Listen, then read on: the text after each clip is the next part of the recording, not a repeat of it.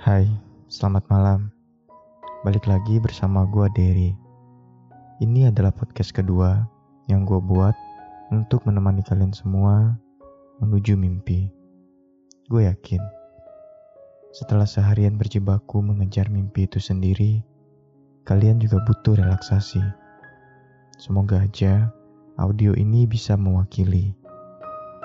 Dan bagi teman-teman yang tengah mengisolasi dirinya sendiri, semoga video ini bisa menemani.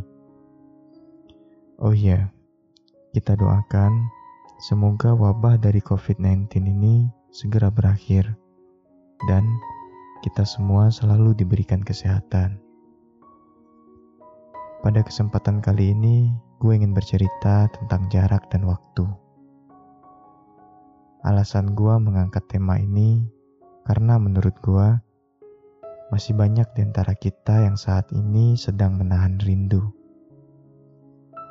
Bisa jadi salah satunya adalah kamu.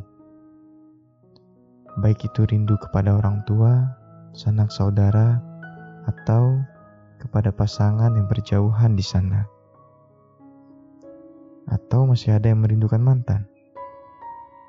Mantan memang selalu sulit untuk dilupakan. Tapi kita balik lagi kepada cerita kita tentang jarak dan waktu.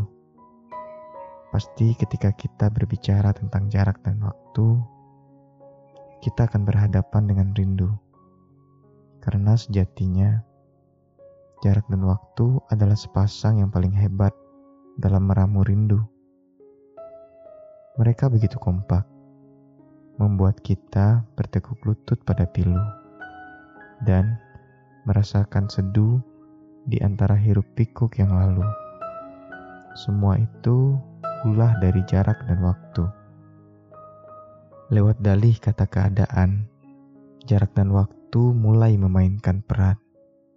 Bertindak seolah bukan kesengajaan, tapi mereka terus menggerus dari dalam membawa kita semakin tenggelam dalam kesendirian.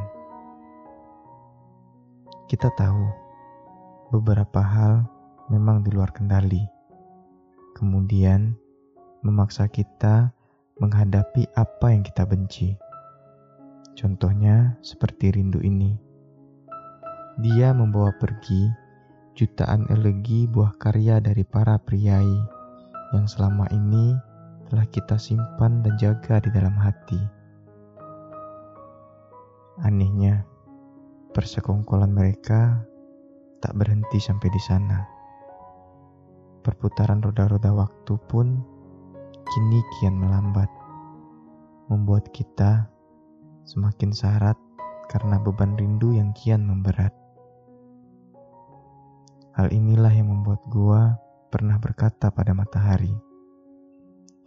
Jika saja bulan jatuh di hadapan gua, maka akan gue panggil sang pungkuk untuk merangkulnya.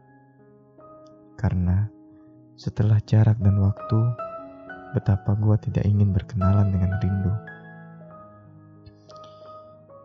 Walau kita paham dan tahu, perpisahan tidak melulu tentang perceraian. Tapi kita tidak bisa pungkiri bahwa kesepian adalah sisi lain yang sulit untuk ditoleransi.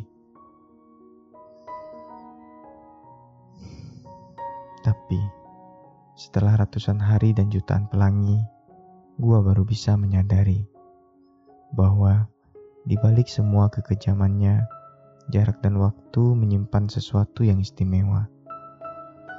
Berupa residu cinta yang luar biasa indahnya. Sebagai persembahan bagi perjumpaan. Untuk itu, kamu yang sedang berjuang melawan jarak dan waktu, mulai saat ini cobalah untuk memahami rindu. Bagaimanapun, rindu adalah alasan kita untuk kembali bertemu. Sekian dari gua, terima kasih. Semoga kalian semua suka. Dan jika kalian suka, silahkan bagikan audio ini kepada teman-teman kalian. Terima kasih.